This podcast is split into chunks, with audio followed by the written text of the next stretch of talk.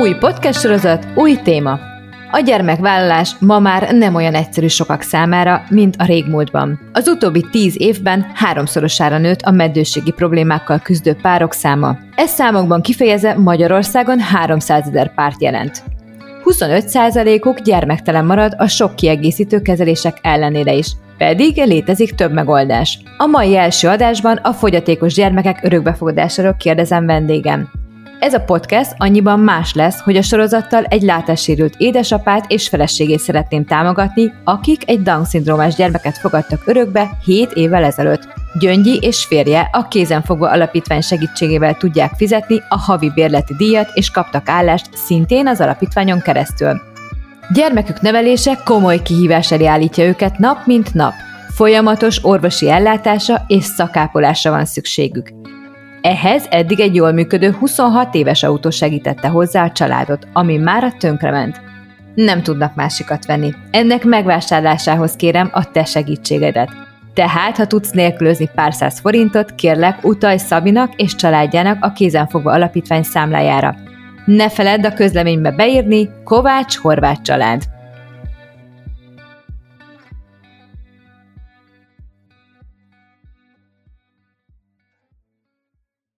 Shut up and sit down. Érdekel az egészség, a pénz, az érzelmes sztorik. Netán a jövőt fürkészed? Sztárjainkkal és szakértőinkkel tabuk nélkül beszélgetek két hetente aktualitásokról, az életről. De nem lesz ritka egy általam készített, őszinte véleménypodcast sem. Én pedig Balázs Farkas Adrián vagyok, a Forró Panamában jelentkezem. Egy igazi, szókimondó és bevállalós csajnak ismernek. Adásaimat ebben a szellemben készítem neked. És ha tetszenek podcastjaim, kérlek válj támogatómmá. A balázsadrián.com weboldalon ezt megteheted, ha rákeresel a támogatói gombra. De ne felejtsd el, az oldalon friss híreket találsz a podcastekkel kapcsolatban. Ez itt a Pár Perc Adrival Tabuk nélkül podcast.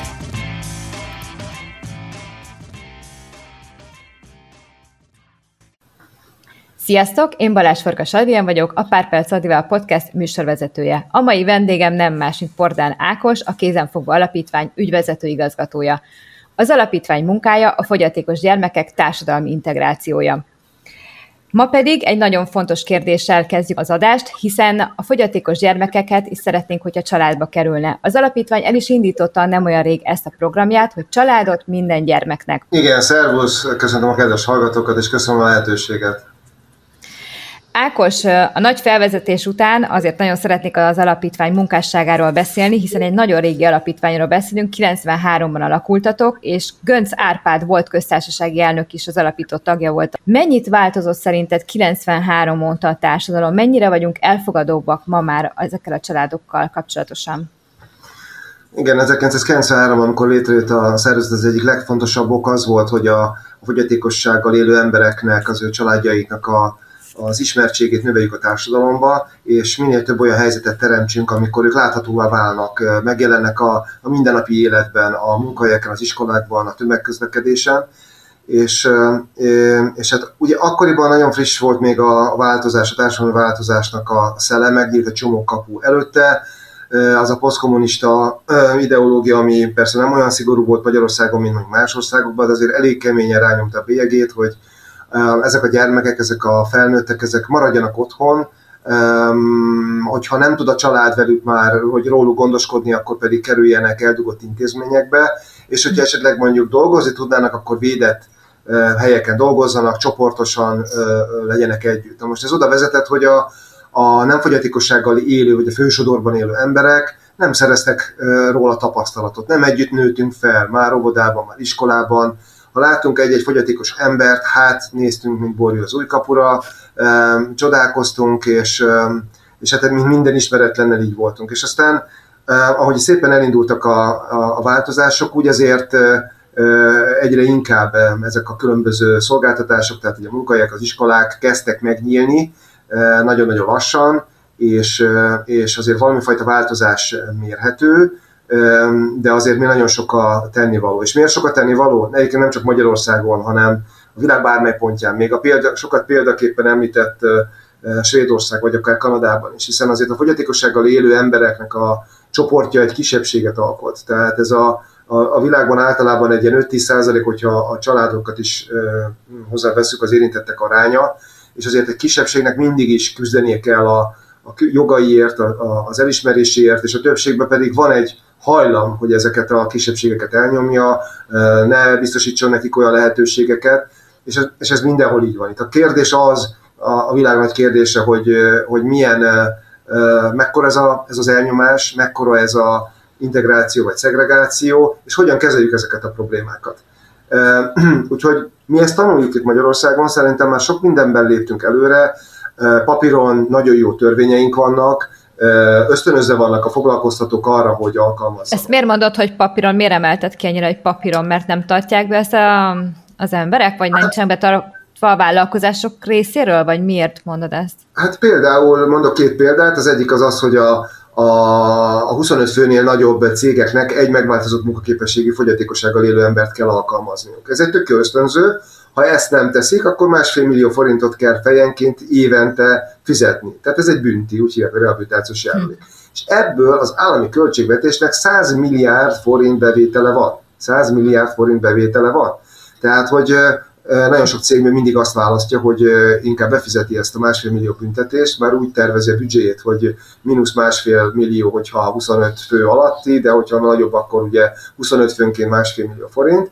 Vagy egy másik példa az iskola területe. Ugye 2004 az Európai Uniós csatlakozás után roham léptekkel indult az iskola integrációnak a, az ügye, nagyon gyorsan. Tehát ezek, ezek a fogyatékos gyermekeket is, hogy integrált, integráltan oktassuk, tehát hogy ne külön legyenek akkor a, a úgymond a normális gyermekektől? Így van, hogy integráltan, inkluzívan a, a többiekkel együtt tanulhassanak. Megszülettek nagyon biztató jogszabályok, kijelöltik azokat az iskolákat, akiket fogadni kellett, de a szakma és tárgyi feltételek biztosítása nélkül nagyon-nagyon nehéz. Tehát egy 30 fős osztályba berakni egy, egy magatartászavaros, vagy éppen csak tanulásban akadályozott gyermeket úgy, hogy nincs ott egy plusz létszám, segítő, vagy ne Isten a, az iskola sem akadálymentes, hogyha éppen egy, egy mozgássérült emberről van szó, akkor ez nehéz. De ennek ellenére is azért vannak előrelépések, vannak változások, azért a foglalkoztatottak száma is lassan nő,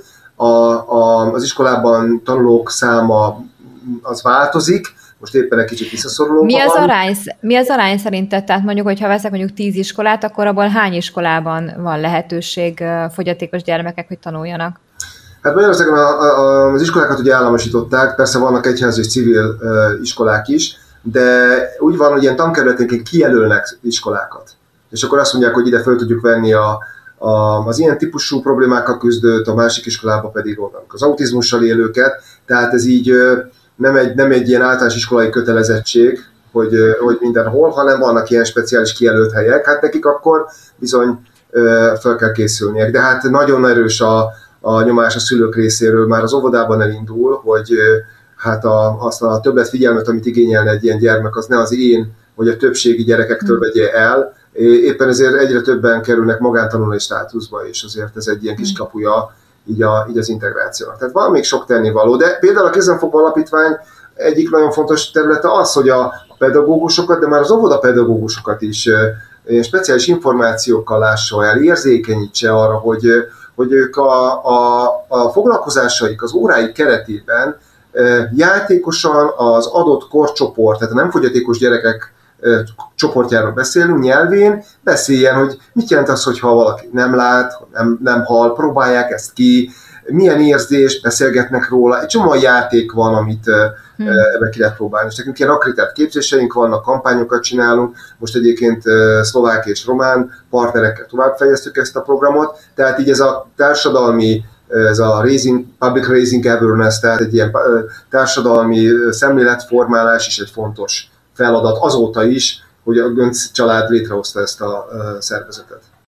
Shut up and sit down. Arra vagy képes, amiről elhiszed, hogy képes vagy rá. Segítek neked, hogy a jövő technikáját alkalmaz a vállalkozásodban. Indíts podcast műsort most! Légy az elsők között, és adj hangot termékednek vagy szolgáltatásodnak. Azaz, rádió ott és akkor, amikor te akarod. Részletek a www.balázsadrian.com weboldalon, vagy a vállalkozói podcast csoportban a Facebookon. De most ugye mondtad, hogy ez a két terület, ami, ami legfőképp próbáltok sikereket elérni, és úgy veszem észre, úgy veszem ki a szavaidból, hogy azért az iskolákkal valamivel könnyebb dolgotok van, mint a vállalkozókkal, mert akkor ott említetted, hogy milyen mértékű összegeket fizetnek be azért, hogy ne kelljen fogyatékos embereket alkalmazniuk. Mit hoznak föl mentségként, vagy hogy, hogy voltatok-e kapcsolatban így olyan cégekkel, amik, akik, akiket próbáltatok meggyőzni arról, hogy igenis jó lenne, hogyha integrálnátok valakit, és, és tudna nálatok dolgozni? Mi a probléma velük? Tehát miért nem akarja, akarják a vállalkozók elfogadni ezt? Hát általában azt szokták mondani, hogy nagyon specifikus az a munka, ami náluk van. Tehát, hogy nagyon magas készségeket, ismereteket, információkat, képzettséget jelent, és ez valóban sokszor így van. Vagy szokott az lenni, hogy mondjuk nagyobb cégeknél nagyon merev a humán, humán a személyzeti struktúrájuk, tehát a munkaköröket nem lehet csak úgy mozgatni, nincs ez a fajta rugalmasság. De nem vagyok mindig meggyőződve, hogy ezek ilyen valós érvek. Tehát sokkal inkább, a, sokkal inkább azért még Inkább ott van kifogás. az, hogy hát egy kicsit kifogás. Pedig, pedig pedig, hogyha egy 4-6 órában, tehát nem is 8 órában, de 4-6 órában tudnának alkalmazni egy, egy megváltozható képességű embert, az vagy ugyanannyiba, vagy nem kerülne többe, mint amennyit a büntetést, amennyit befizetnek, és hozzájárulhatnak egy társadalmi jóhoz, ráadásul az az ember biztos, hogy valami hozzáadott értéket ad a, a céghez. Tehát például lehet olyan, mondjuk egy, ha egy irodai irodáról beszélünk, akkor nagyon sokan csinálnak ugyanazon dolgokat, fénymásolnak, szkennelnek, ide visznek, oda visznek, és egy csomó olyan feladatot ki lehet szervezni, mert azt mondjuk, hogy akkor van egy, egy négy órás kollega, aki mondjuk ebben segít. De vannak különböző megoldások, hogy hogyan lehet kreálni, ez a job curving, tehát hogyan lehet olyan, olyan új munkakört kreálni, igen. kreálni ami, ami segítheti. Tehát nem izgalmas és szép dolog ez, de azért kellenek hozzá nyitott munkáltatók. Ebben biztos igazad van. Na most ugye a ti programotok, és ami én legfőképp a, a mai podcastem, amikor épül, az a Családot minden gyermeknek program, ami nemrég indult nálatok, hiszen évente 800 örökbefogadás történik, amiből, ha jól tudom, 10 fogyatékkal élő gyermeket tudnak örökbe adni pedig minden harmadik gyermek valamilyen fogyatékossággal él a statisztika szerint. Na most ezek a gyermekek, akik, akik család nélkül maradnak, és várnak arra, hogy örökbe fogadják őket, és bármilyen fogyatékosság, kisebb és nagyobb mértékű fogyatékosság nyilván. Mi a legfőbb oka szerinted, hogy bekerülnek az intézetben, ott hagyják őket a szüleik, és azonnal lemondanak róluk a kórházba, vagy, vagy, vagy egyszerűen nem bírják azt a terhet, ami egy ilyen fogyatékos gyermekkel jár, vagy mi a tapasztalat? Ezt e tekintetben? A, ugye, ugye itt a fogyatékosság kialakulásának két nagy periódusa van, tehát amikor már ugye a, a, az anya mélybe kiderül, hogy, hogy valami probléma van, valamikor csak a szüléskor, és az esetek többségében hozzá kell tegyem, a születés után válik egyértelművé. Tehát egyszer csak azt látod, hogy megszületik a gyermeke egészségesen, kap valami fertőzést, vagy, vagy valami oknál fogva elkezd lassabban fejlődni, és sokszor csak az iskoláskor az a, pont amikor az a szembesül valaki, hogy a, a gyermekem a sajátos nevelési igényű, eltérő fejlődésű, és, és ugye itt azokról beszélünk, akik, vagy általában azokról tudunk beszélni, akik már a, már a szülés, születés előtt, vagy a szülés közben történik valami. Ez, hát általában két, két nagyobb ok van, ami miatt a, a szülők hát lemondanak. Az egyik az, az, az egy anyagi ok, tehát amikor nagyon szegény körülmények között van, vagy nagyon fiatalon van, tehát ugye azért egy, egy gyermeknek a, a vállalás az nem csak a biológiai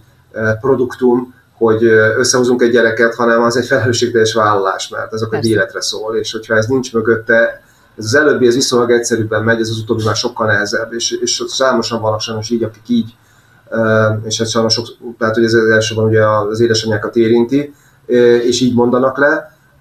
A másik, a másik része pedig az, aki, az, aki akiknél megint ilyen egyértelmű, a, ugye egyértelmű fogyatékosságokról beszélünk, tehát akiknél látszik, hogy Down-szindrómás a gyermek, aztán látszik, hogy, hogy valami halmozottan fogyatékossága van, tehát valami egyértelműen, egy, egyértelmű sérülés van, hogy nagyon nagy az a társadalmi státuszkülönbség, ami az ő mostani életét jelenti, az a kör, ahol ő mozog, és illetve az a helyzet, amit jelentene egy ilyen gyermeknek a felvállalása, elvinni a haveri körbe, elvinni a, az üzleti körbe. Általában ez a kettős, két kettős ok van, ami miatt nem vállalják a családok. És akkor ezek a gyerekek És nekünk innen indult, akkor erről két mondatot azért hadd mondjak, ezek a gyerekek automatikusan ugye intézetekbe kerülnek. Most az intézetekbe, tehát ugye az egyik legalapvetőbb elemi igényünk az, hogy kötődjünk valakihoz. Hát először az édesanyához, aztán, aztán majd jó, jó esetben jön az édesapa, aztán a, a család, és akkor vagy a nagymama, nagypapa, barátok, stb. De hogy az első kör. Na most egy ilyen gyermekről, hogyha ha lemondanak, akkor ő nem tud kötődni senkihez. Tehát ugye az orvosi... És az ő esetükben ez, ez még fontosabb lenne, mint egy átlagos gyermeknél? Sokkal fontosabb, így van. Tehát nagyon sokkal, de sokkal, de sokkal fontosabb, mert egy csomó esetben még megfogható lenne az a, az a fejlődési, el, eltérő fejlődés, hogyha van, egy, van valami fajta érzelmi kapocs. Most anélkül igazándiból a radiátorhoz, a vaságyhoz, a, a, a paplanhoz nem tudunk kötődni. Úgy vagyunk kitalálva, hogy társas lény vagyunk, és és hogy tudom, ezek a gyerekek mennek, a, mennek az intézetbe, ahol persze igyekeznek mindent megtenni, de gyakorlatilag az etetésen kívül, illetve azok a műszakos nővérek vagy nővérbácsik kívül nem nagyon van másokhoz kapcsolódásuk. És ugye nekünk régi régi-régi kérdésünk az, hogy ezt az intézet bejutást, ezt akadályozzuk meg, létrehoztunk ilyen kiscsoportos lakóotthoni hálózatot még 20 évvel ezelőtt, amikor az alapítvány létrejött, ami egy alternatíva volt a nagy intézetnek, és azóta ott van az alapítványnál, hogy valahogy ezeket a, az intézetbe vezető utakat zárjuk el, egy-kettő pedig, ha már oda kerültek, akkor próbáljuk őket onnan kihozni. Úgyhogy aztán így jött ez a családot minden gyermeknek, vagyis ez a fogyatékos gyermekek körülbefogadása program, vagyis mi nem a, az összes gyermekre fókuszálom, hanem azon belül egy, egy kicsi, de jelentős és, és, és sajátos csoportra. Mennyire sikeres az, hogy ezek a fogyatékos gyermekek családban maradjanak? Tehát amikor eldönti mondjuk egy anya, hogy ő lemondan erről a gyerekről, akkor közbeléptek ti, hogy, hogy mégiscsak családban lehetne maradni, és a mi segítségünkkel így és így és így és ilyen segítséget tudunk nyújtani, vagy ez hogy működik?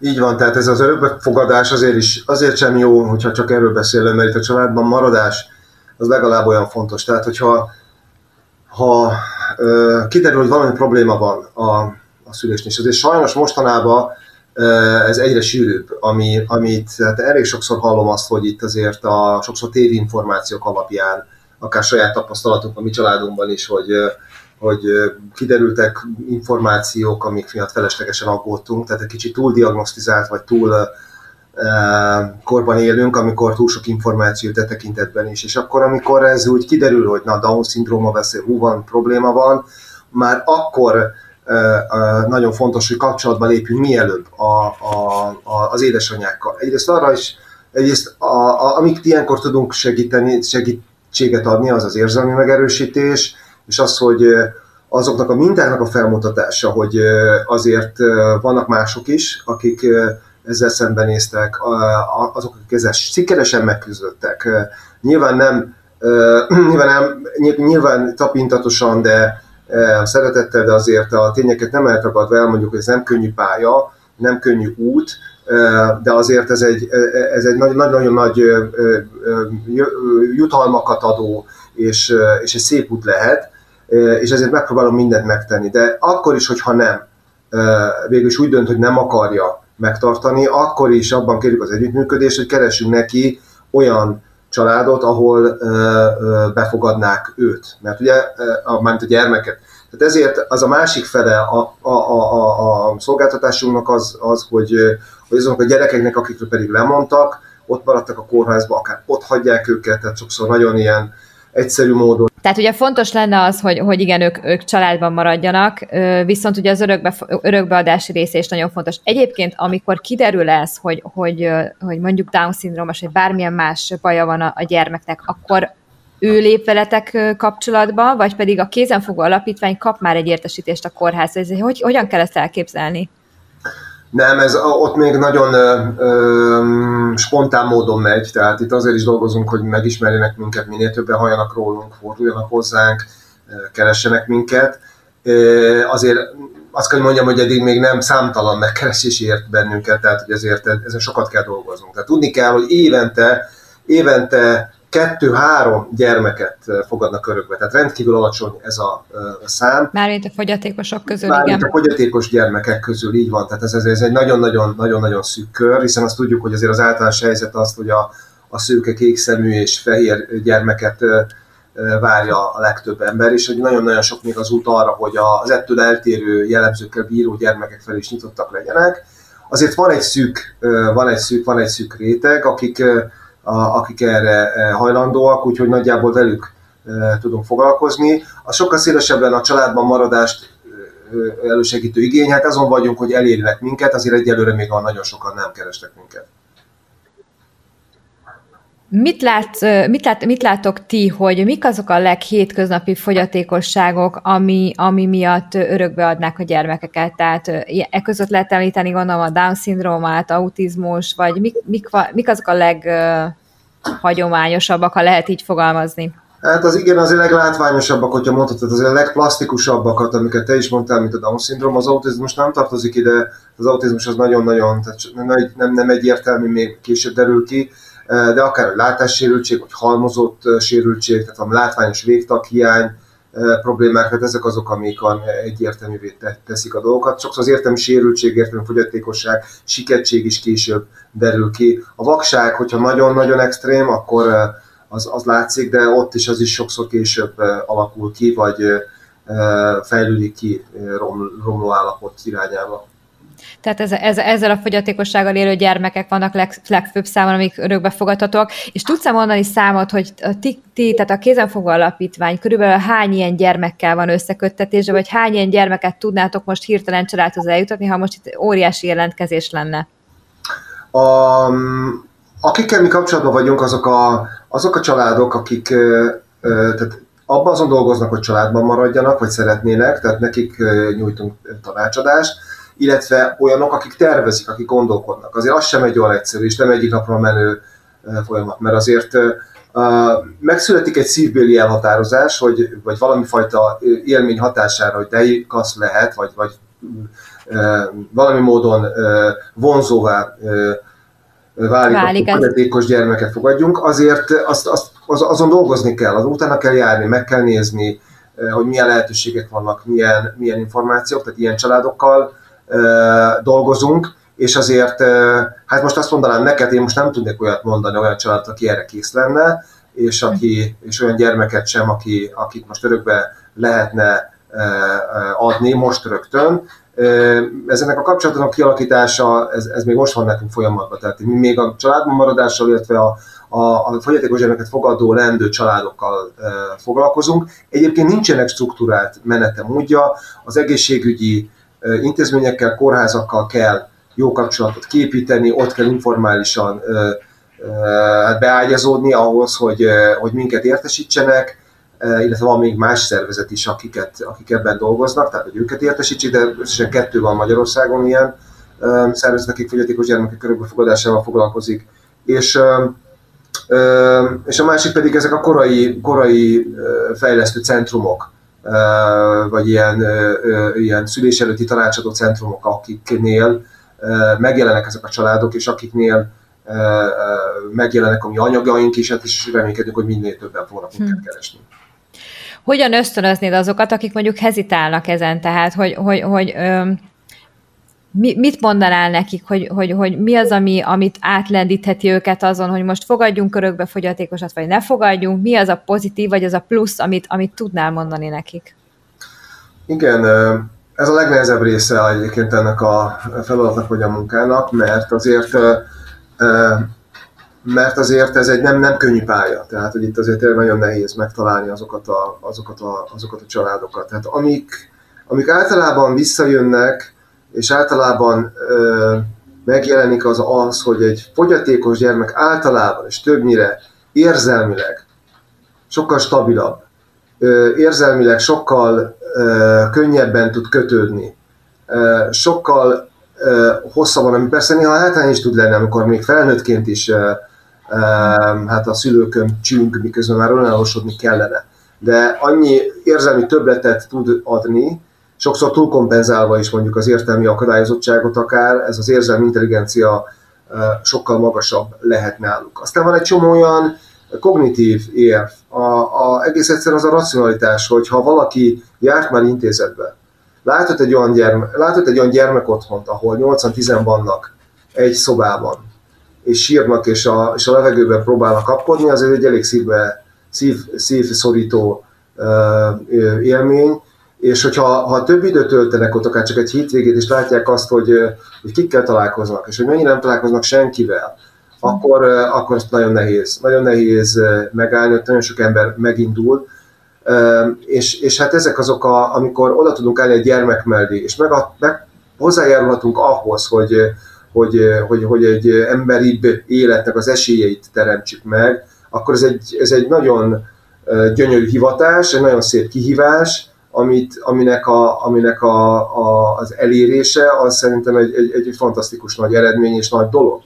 Úgyhogy, úgyhogy nagyjából ezek a, azok az érvek, amik így, így, így megjelennek, de hozzá kell tenni, hogy ezért ez, ez, ez nem egyszerű dolog.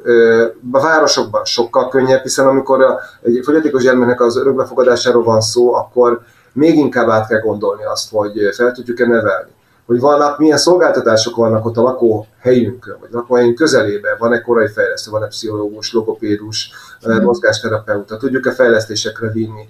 És ezek Tehát komoly, elő, komoly, komoly előkészületeket jelent egy ilyen, egy ilyen gyermekfogadása. És ebbe próbálom segíteni, mert ezen nálunk egy csomó információ van, jogsegélyszolgálat, pszichés támogatásra van lehetőség, tehát ugye ezekben a, a racionális föl, föltárása, a, egy lehetséges útnak az, az, az benne van a szolgáltatásainkban. Tehát, és az alapítvány ezek szerint utána is, mint hogy kézen fogva, tehát kézen fogva kíséritek az ő, az ő útjaikat, tehát be, ha bekerül a családba, ugye ez nem elég indult ez a programotok, tehát még nem, még egyelőre sikeres örökbefogadás sajnos nem tudtatok végrehajtani, de hogyha sikerül örökbeadni ilyen gyermeket, akkor az a célotok, hogy utána végig kísérjetek a család sorsát, és akár pszichológiailag, vagy segítő kiár, vagy, vagy a tanításában tudtok valami segítséget adni. Igen, egy picit ilyen fordítva indultunk el, mert amikor az alapítvány 93-ban indult, akkor ugye az volt, hogy a felnőtt korban nincsenek szolgáltatások, és hogy akkor az intézetek helyett legyenek lakótonok, és akkor innen jött, hogy akkor nem tudnak integráltan dolgozni, akkor kezdjünk el, tíz évvel ezelőtt elindultunk a nyílt munkaerőpiacra való közvetítés, felkészítésben, akkor hát a foglalkoztatás is csak úgy tud jól működni, hogyha ha, ha, ha normális körülmények között laknak a, a, az emberek. Úgyhogy elindítottuk egy támogatott lakhatási szolgáltatást, hát a, a, a lakhatás meg, a, meg a, a munka is akkor tud működni, hogy a család is rendben van. Na most a családnak időről lenne szüksége, hogy elkezdtük kifejleszteni egy otthonfelügyeleti szolgáltatást, és speciális babysitter szolgáltatást, illetve a, a családoknak a lelki pszichológiai támogatási pár, családterápia, szülőcsoportok, és akkor láttuk, hogy az iskolában is problémák vannak, van egy ilyen integrációs tanácsadási szolgáltatásunk is. Így megérkeztünk oda, hogyha most elindulna valaki, akkor bekerül egy iskolába, és az integrációban van probléma, akkor tudunk neki segítséget adni. Mm. Van egy országos adatbázisunk, ez az info.kezenfogva.hu, az összes olyan szolgáltatás, ami a köznevelés, a szociális gyermekvédelemben, foglalkoztatás terén van Magyarországon elérhető, vagy pénzbeni ellátás, az ott az ott, ott megtalálható, tehát tudunk információkat adni. Van jogsegélyszolgálatunk, hogyha ha, ha majd kilép az iskolát, befejezi a nyílt munkerőpiacra, tudunk és megpróbálunk segíteni, hogy elhelyezkedjen. Éppen most volt a 300. sikeres elhelyezésünk, most ünnepeltük nemrég. De ez milyen, munka, volna, milyen munkakörben, milyen munkakörben igen, sikerült? volna, hogy itt a pandémia nem tette igen, volna. A, a nagy áruház, nem tudom, hogy mondhatok-e, ilyen minőségi ellenőri. Mondhatod. Tehát itt a, a, az Ocean és a, a, a Tesco-ban is ilyen minőségi ellenőrök voltak, akik lejárt, a lejárt szabadságú termékeket uh-huh. szűrik ki és, és teszik, teszik vissza. És hát, a, és hát hogy, hogy, hogyha pedig lakhatásra lenne szüksége, akkor ez a, a lakhatási programunk is hát beindul. Úgyhogy így most már érettek vagyunk erre, és hát bízunk benne, hogy majd így tudunk segíteni azoknak a családoknak, akik hozzánk fordulnak. Akik esetleg, ugye hát mivel nem sikerült örökbe adnatok még ilyen gyermeket, de tudsz-e olyat, hogy akik örökbe fogadtak fogyatékkal élő gyermeket, megbánták és visszaadták? Van-e ilyen példa? Nem, nem. nincs, nincs, nincs. nincs. Nincsen ilyen példa. Egyelőre annyira szűk az a kör, akik egyáltalán a fölmerül közöttük. Ki között merül fel, hogy, hogy fogyatékos gyermeket fogadjanak, hogy általában akik, akik velük dolgoztak. Tehát mondjuk egy intézményben gondozók, ápolók, segítők, szakember, kialakul egy kapcsolat, kialakul egy kötődés, és, és, és ott, ott fogalmazódik meg először. Aztán a nevelőszülőknél, ugye a nevelőszülő az még nem egy végleges státusz, ott is nagyon, nagyon sokszor kapnak úgy meg egyébként nevelőszülők gyerekeket, hogy nem tudják, hogy fogyatékos. Nagyon sok ilyen van, hanem hanem ki, ö, nevelőszülőként ö, elkezdik őket támogatni, segíteni, és akkor három-négy éves korukban derül ki, hogy hú, itt valami baj van, vagy a, a bizonytalanság mögött, hát bizony valami fajta fogyatékosság van. És akkor viszont már ott marad a 18 vagy akár még későbbi, 23-25 éves korukig is, de azért meg egy olyan kötődés alakul ki, hogy akkor elgondolkodnak, hogy, hogy, hogy örökbe fogadnak. Aztán van egy olyan rész is, a nagy család, nagyon érdekes, hogy egy ilyen, egy ilyen egy nagy családban, ahol már 5-6 akár, vagy én tudok egy olyan családot. Ott már, szinte, ott már szinte nem kihívás egy gyermek mellett, mert tényleg ők már annyira benne vannak vagy szerintem, nem?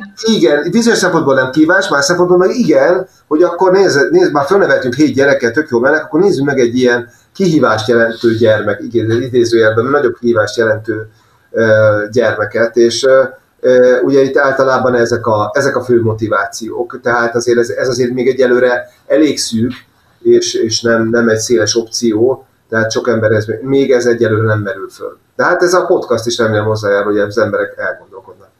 Én is nagyon remélem, hiszen ezért is, ezért is kezdtem veled a beszélgetést, hogy minél több, minél több, mert ugye rengeteg a meddőpár, és rengeteg az, aki szeretne gyermeket, és akkor a sok lombik kezelések után ugye jön az örökbefogadás kérdése, és az örökbefogadás kérdésében meg ugye az is felvetődik, hogy ugye rengeteg a, igen, várnak, 5-6 éveket várnak egy gyermekre, egy egészséges gyermekre, míg egy fogyatékkal élő, akár kis fogyatékkal élő gyermeket szinte szerintem pár hónap alatt örökbe lehet fogadni, szerintem, hogyha, hogyha így jól van, tudom. Így van, így, így, van, van. így van, így van, így van. És akkor ilyenkor azért azt is el szoktam mondani, de meg szoktuk, meg tudunk róla, hogy azért tudunk olyan családokról, akik persze érintettként, ők maguk szülték meg, hogy ez valami olyan minőségi változást hozott a, a gyermeknek a megszületése, hogy miután már túl vannak azon, hogy feldolgozzák, hogy elindulnak intézménybe, az egész család a gondolkodását olyan módon változtatta meg, hogy dolgozniuk kell azért, hogy a gyereknek valami ügye legyen. És létrehoznak egy szervezetet, egy alapítványt. Legtöbb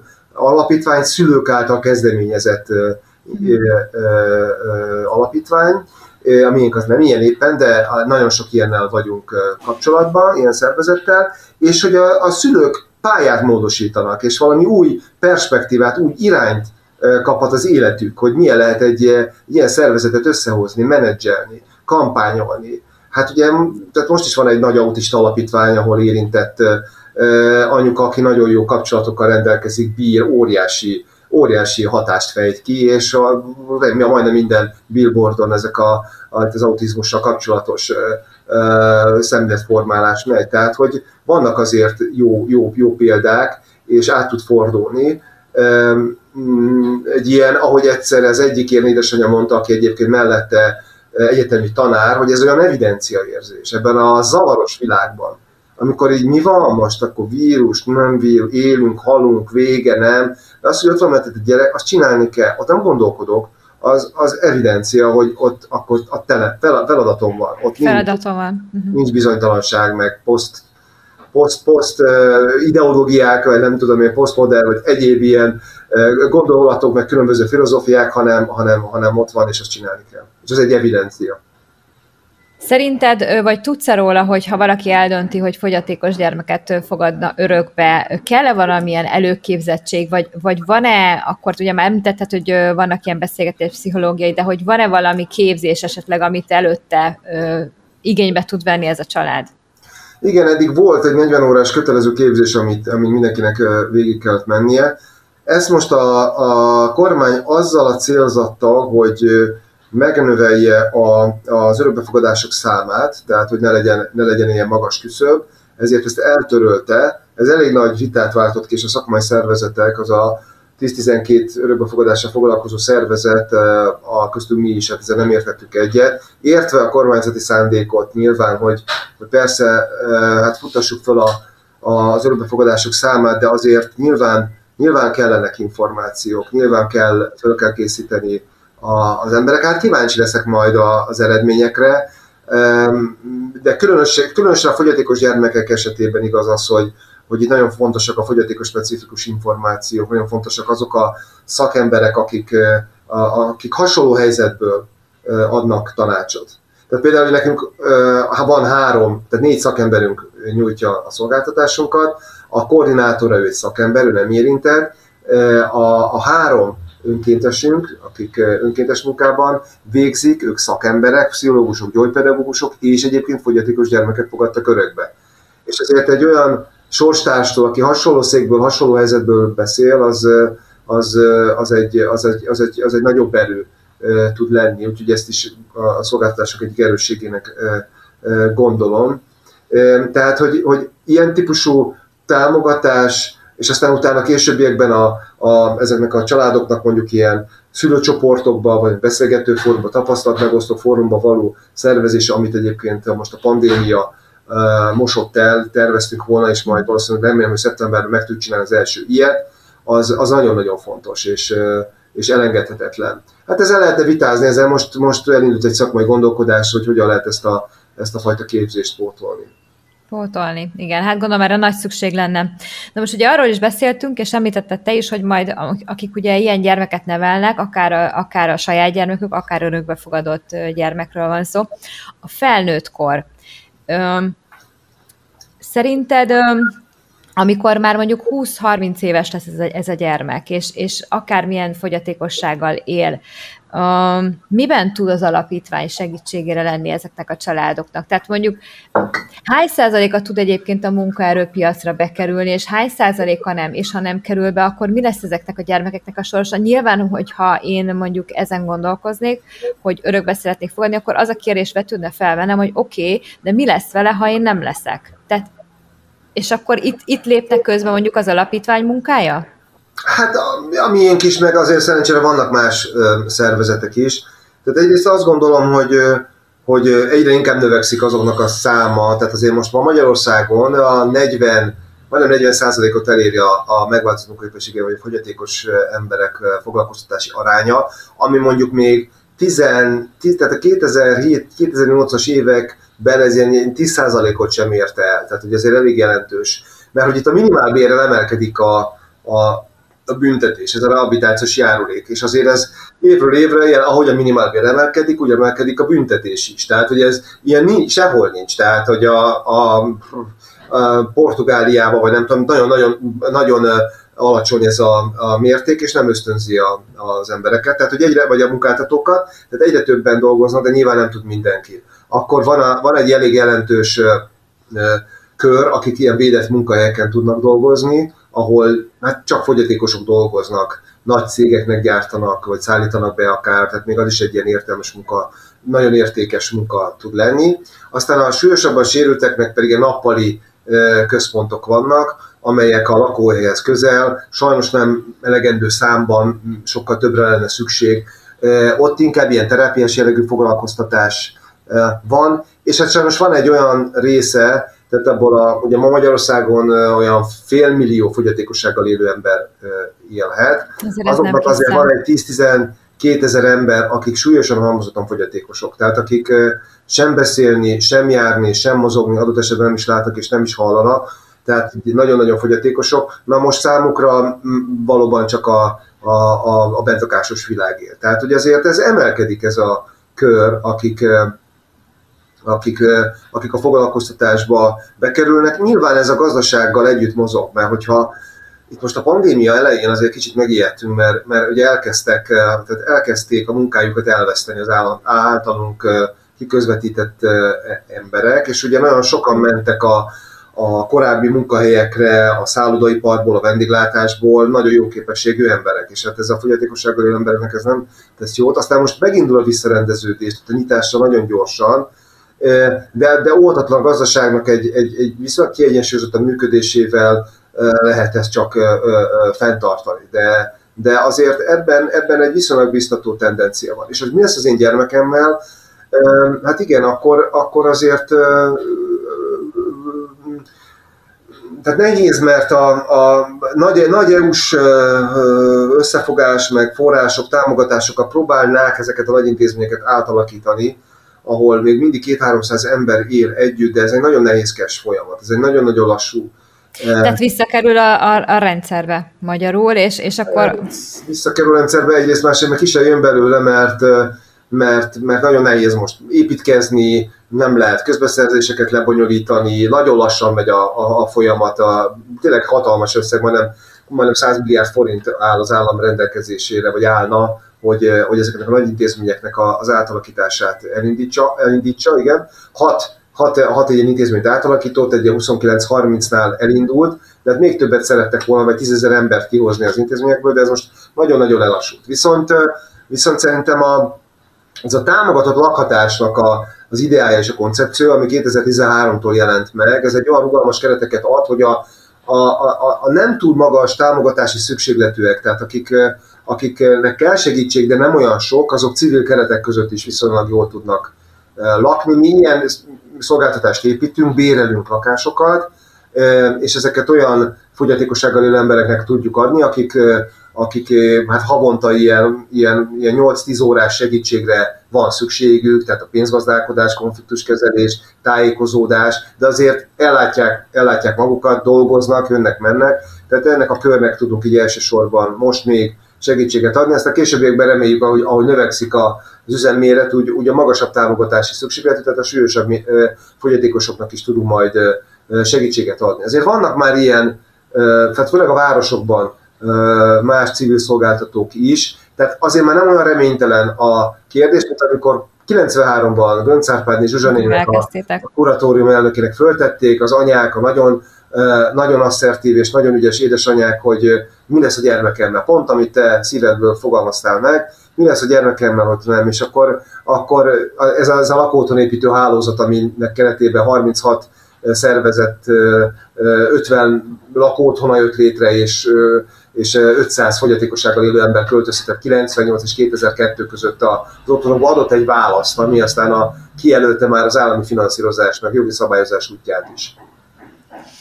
Ezért jó hír, hogy most már erre is lesz azért megoldás, hogy, hogy igen, tehát hogy mi történik velük, mert szerintem ez az egyik, egyik legfőbb kérdés, ami az emberbe felmerül egy ilyen, egy ilyen gyermek születésekor, vagy örökbefogadásakor.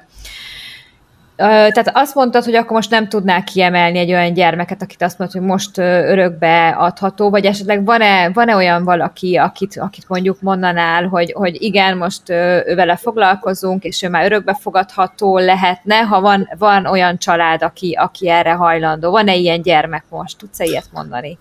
De egyébként van, mert ugye foglalkozunk olyan családokkal, akik, ugye említettem neked, akik gondolkodnak, hogy hogy fogyatékos gyermeket örökbe fogadjanak, és van egy olyan családunk, akik nevelőszülőként nevelnek Down-szindrómás gyermeket, és egy nagyon, nagyon rossz egészségügyi kilátásokkal rendelkező kislányt fogadtak örökbe, akik amikor bementek az intézetben, egyszerűen volt egy olyan, hogy az édesanyja ezt mindig elmondja, vagy elmeséli, egy olyan szemkontaktus, ami egyszerűen egy végig bizseregtette az ő testét, lelkét, és akkor eldöntötték, hogy nem tudjuk, hogy milyen ez a gyermek, és de vigyük, vigyük magunkkal, mert most már, hogyha így gyereket felneveltük, akkor még oda mellénk elfér. Nagyon rossz egészségügyi kilátásaik voltak. Azt is mondták nekik, hogy hát nem, nem fog ő már sokáig élni, hogy vigyék legalább addig erre kis rövid időt. Most ez a kislány ez most iskolába készül, mert hogy, mert hogy egy családban van, ahol, ahol már nem csak a, a szülőkhöz, hanem a, hanem a, testvérekhez is kapcsolódik, és, és hát ugye most 7 éves, tehát ugye az iskolába fog lassan majd menni, mindig ott van ez az egészségügyi kockázat, de, de nagyon... Milyen nagyon... egészségügyi kockázata van még amellett? Hát ugye a down gyerekeknek lyukas szívvel, szívproblémákkal és egyéb társadalmi problémákkal tudnak, vagy születnek, ez, ez nagyon jellemző, és nekik különösen súlyos problémái vannak.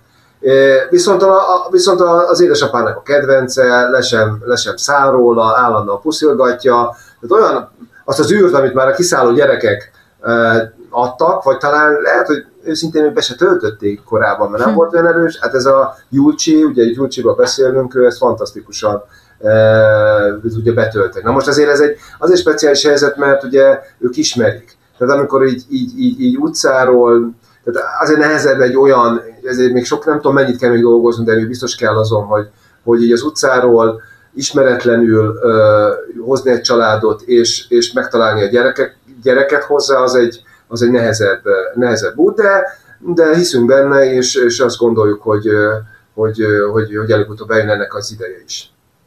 Akkor Julcsi ezek szerint marad ennél a családnál, tehát ő nem örökbefogadható, tehát ő marad, marad. Viszont tudsz-e olyat, de, de hogy örökbefogadható? örökbefogadható? Nevel gyermek is csak... szeretnék örökbefogadóvá, igen. Uh-huh de akkor ők szeretnék örökbe fogadni, akiknél Igen. van. Uh-huh. Igen. Én, én olyat szeretnék tőled kérni, ha tudsz olyat, aki, aki most még nézi ezt az adást, és, és már gondolkozik ezen, van-e olyan gyermek, aki, akit most örökbe is lehetne fogadni, tehát nem akinél van, hanem, hanem elhozni, akár az intézetből, akár a családtól?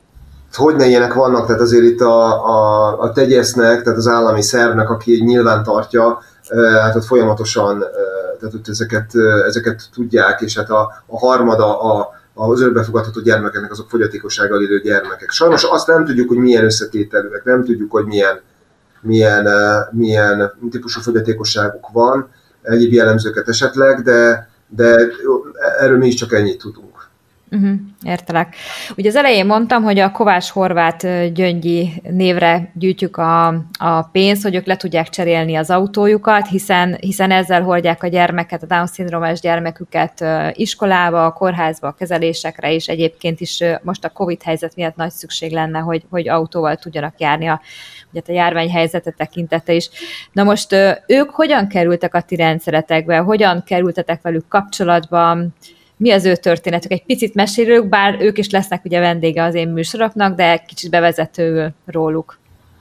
Igen, hát a, a Laci és Gyöngyi, ugye mind a ketten megváltozott munkaképességűek. A Laci fél szemére nem lát, a másik szemére is, is, is nagyon-nagyon gyengén, és neki, ő, ő jelentkezett először nálunk azzal, hogy a foglalkoztatásában segítsünk. Ez volt olyan 7-8 évvel ezelőtt, és akkor őt hát több helyre is megpróbáltuk elhelyezni, felkészíteni. Ugye ez nálunk ez, a, ez nem csak arról szól, hogy munkaközvetítés, hanem akkor interjú, képességfelmérés, foglalkoztatási terv, a munkáltató érzékenyítése, utána utánkövetés, tehát azért egy, egy összetette folyamat, és akkor így tudtuk őt a, a, a, az Ósamba elhelyezni, és ott nagyon-nagyon jól dolgozott, nagyon-nagyon szerette, Viszont jött a, a, a, a járványidőszak, és akkor ő otthon maradt, a kisgyerek miatt nem is akartak menni, és így elvesztette a, a, a munkáját. A Gyöngyivel is hasonlóan a munkával kapcsolatosan kerültünk kapcsolatba, aztán őnek úgy alakult az élete, hogy így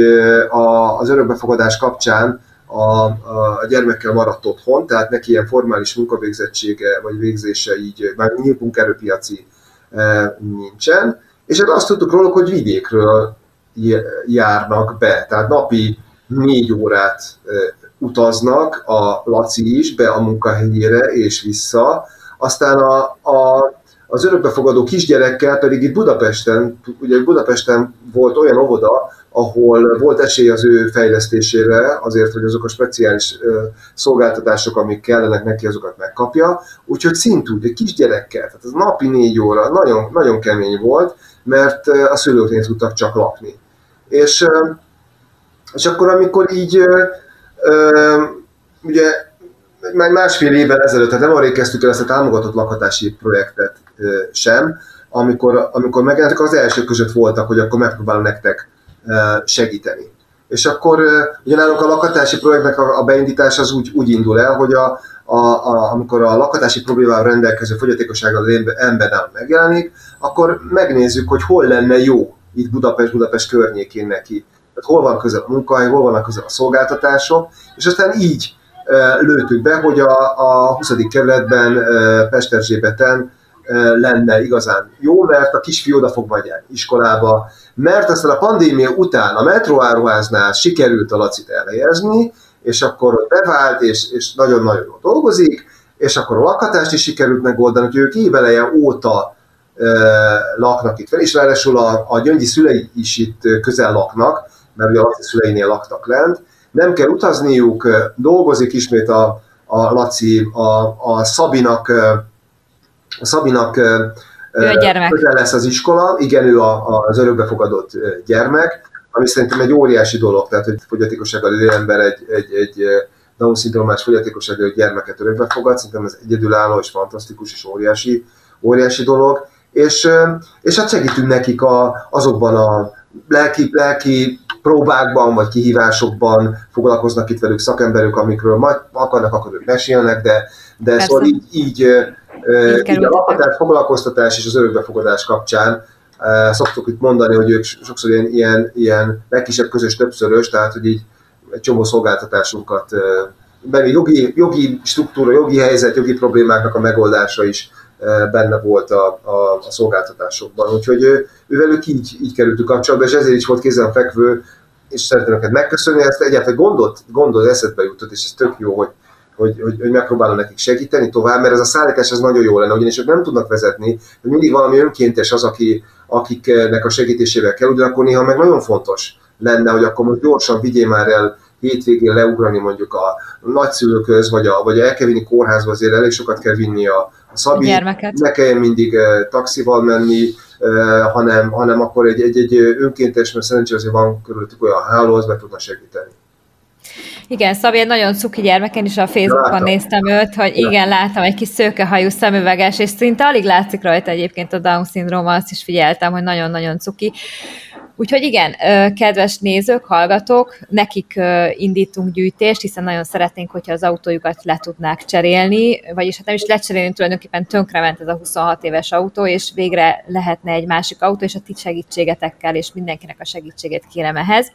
Neked meg nagyon szépen köszönöm a mai riportot és a, az idődet, hogy elmondtad a, az alapítványnak a munkáját, illetve meséltél a családról, és remélem, ha a jövőben, hogy minél több ember nek tudtok segíteni, mind a családban maradással, vagy az örökbefogadással, és még egyéb munkákkal is természetesen. Adri, nagyon köszönjük a lehetőséget. Bízom benne, hogy tetszett az adás, ha ez így van, iratkozz fel az Apple, Google és Spotify lejátszóban, vagy bármelyikben, amiben most épp hallgatsz engem. Ne felejts el bekövetni a Pár Perc Facebook, Insta és TikTok oldalon, ahol folyamatos háttérsztorikat osztok meg. A Youtube-on a podcasteket videóval együtt tudod megnézni. Ja, és iratkozz fel a csatornára, hiszen csak így fogod tudni, ha új adást tettem fel. És természetesen nyomj rá a csengő gombra is az elmaradhatatlan értesítés miatt. A balázsodilyen.com weboldalon pedig hírek a podcastekről és blog a panamai életről. A pár perc Audival tabuk nélküli podcast adást hallottad. 2021-es mottom, az életet előre élni kell, és utólag megérteni.